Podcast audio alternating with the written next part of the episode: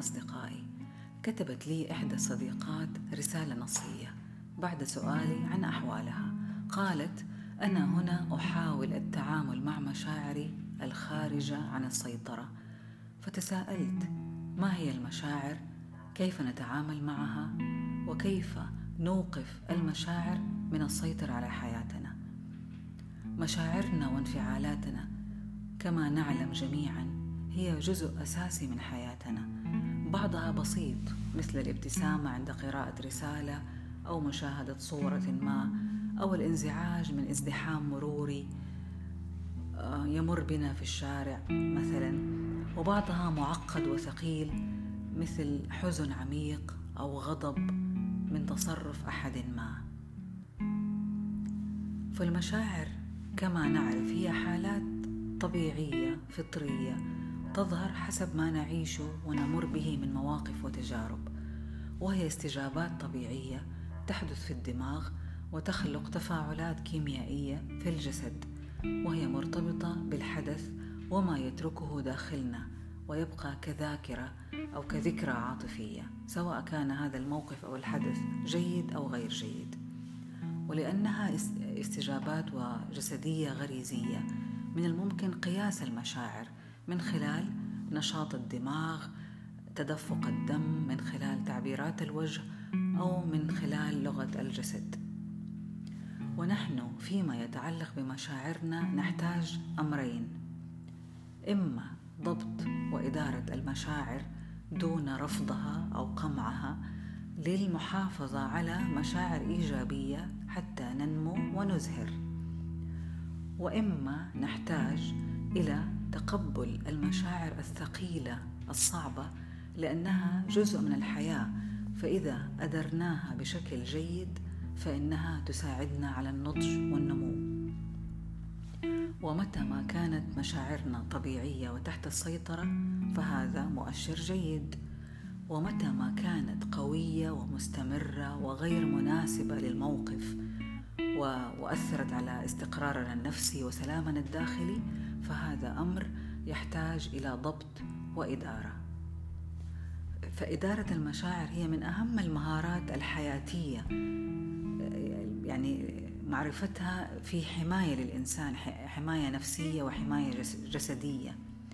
فلا كبت للمشاعر يؤدي إلى مشاكل نفسية ولا مغالاة وتسرع في ردات الفعل وفي التعبير عن المشاعر بأي, بأي طريقة كانت فهذا يؤدي إلى مشكلات اجتماعية ويفسد العلاقات. وكما ذكر المصطفى الحلم بالتحلم يعني بالإدارة وبالضبط. فإن تعلم مهارات إدارة العواطف وضبط المشاعر من الأمور الهامة في الحياة تحتاج تدريب تحتاج وعي حتى تصبح أسهل. فلا نقع تحت سطوة الانفعالات. ونعمل على أن نديرها ونضبطها لخدمتنا. كيف ذلك؟ تصور معي تصور معي أن المشاعر هي ساعي بريد ومعه رسالة. لا تعرف ما تحتويه وهل هي جيدة أو لا. فقط أستلم الرسالة.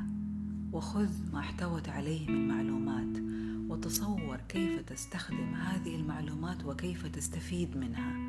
حرفيا عند مرورنا بأي مشاعر آه نعمل على أن نبرمج الدماغ على فعل اللازم فعل اللازم والمفيد بالنسبة لك. دون اللجوء إلى التسرع وفقد السيطرة وكأن المشاعر هي المتحكمة وليس أنت.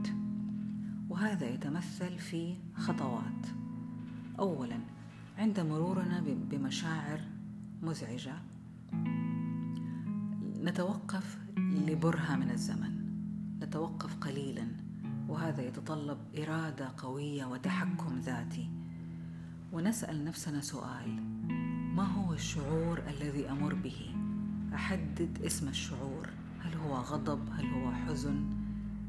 ثانيا قبول ما أشعر به والاعتراف بوجوده كيفما كان. وسؤال كيف أشعر بالتحديد؟ أحدد المشاعر التي أعيشها.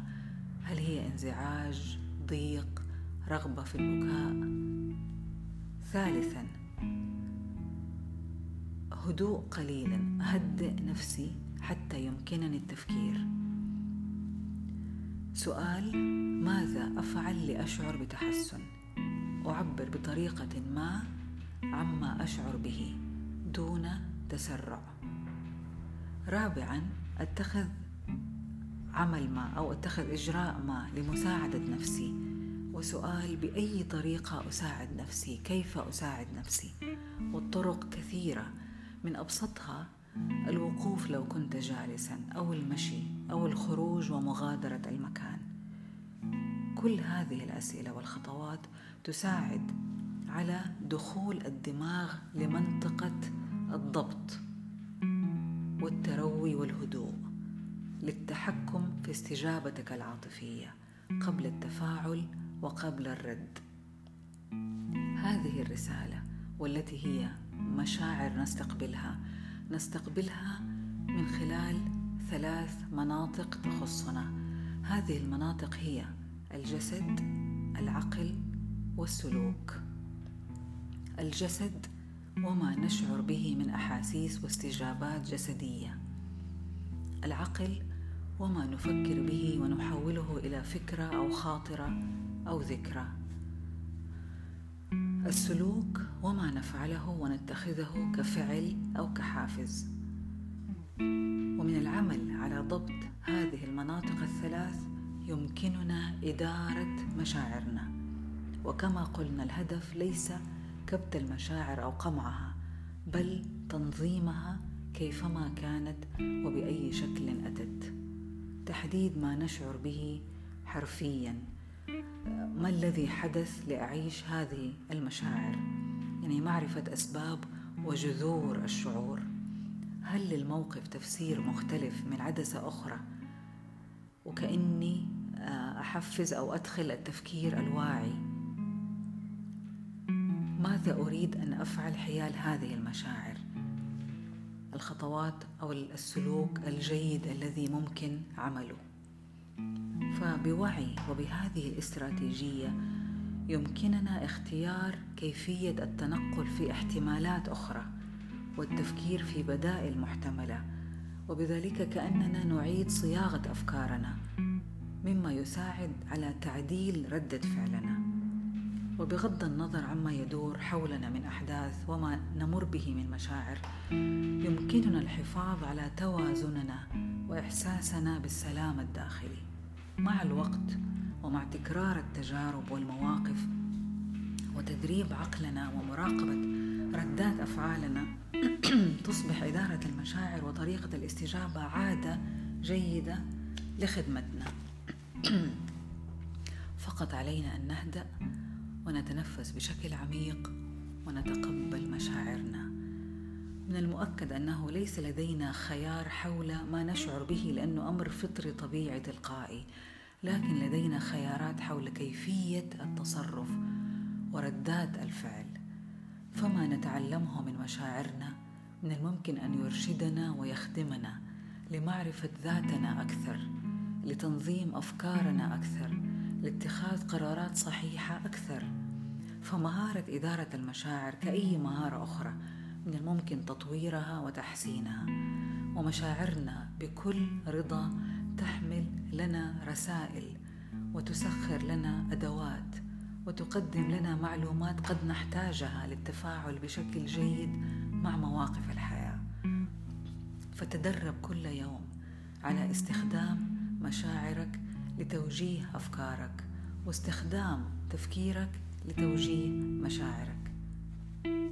سلام.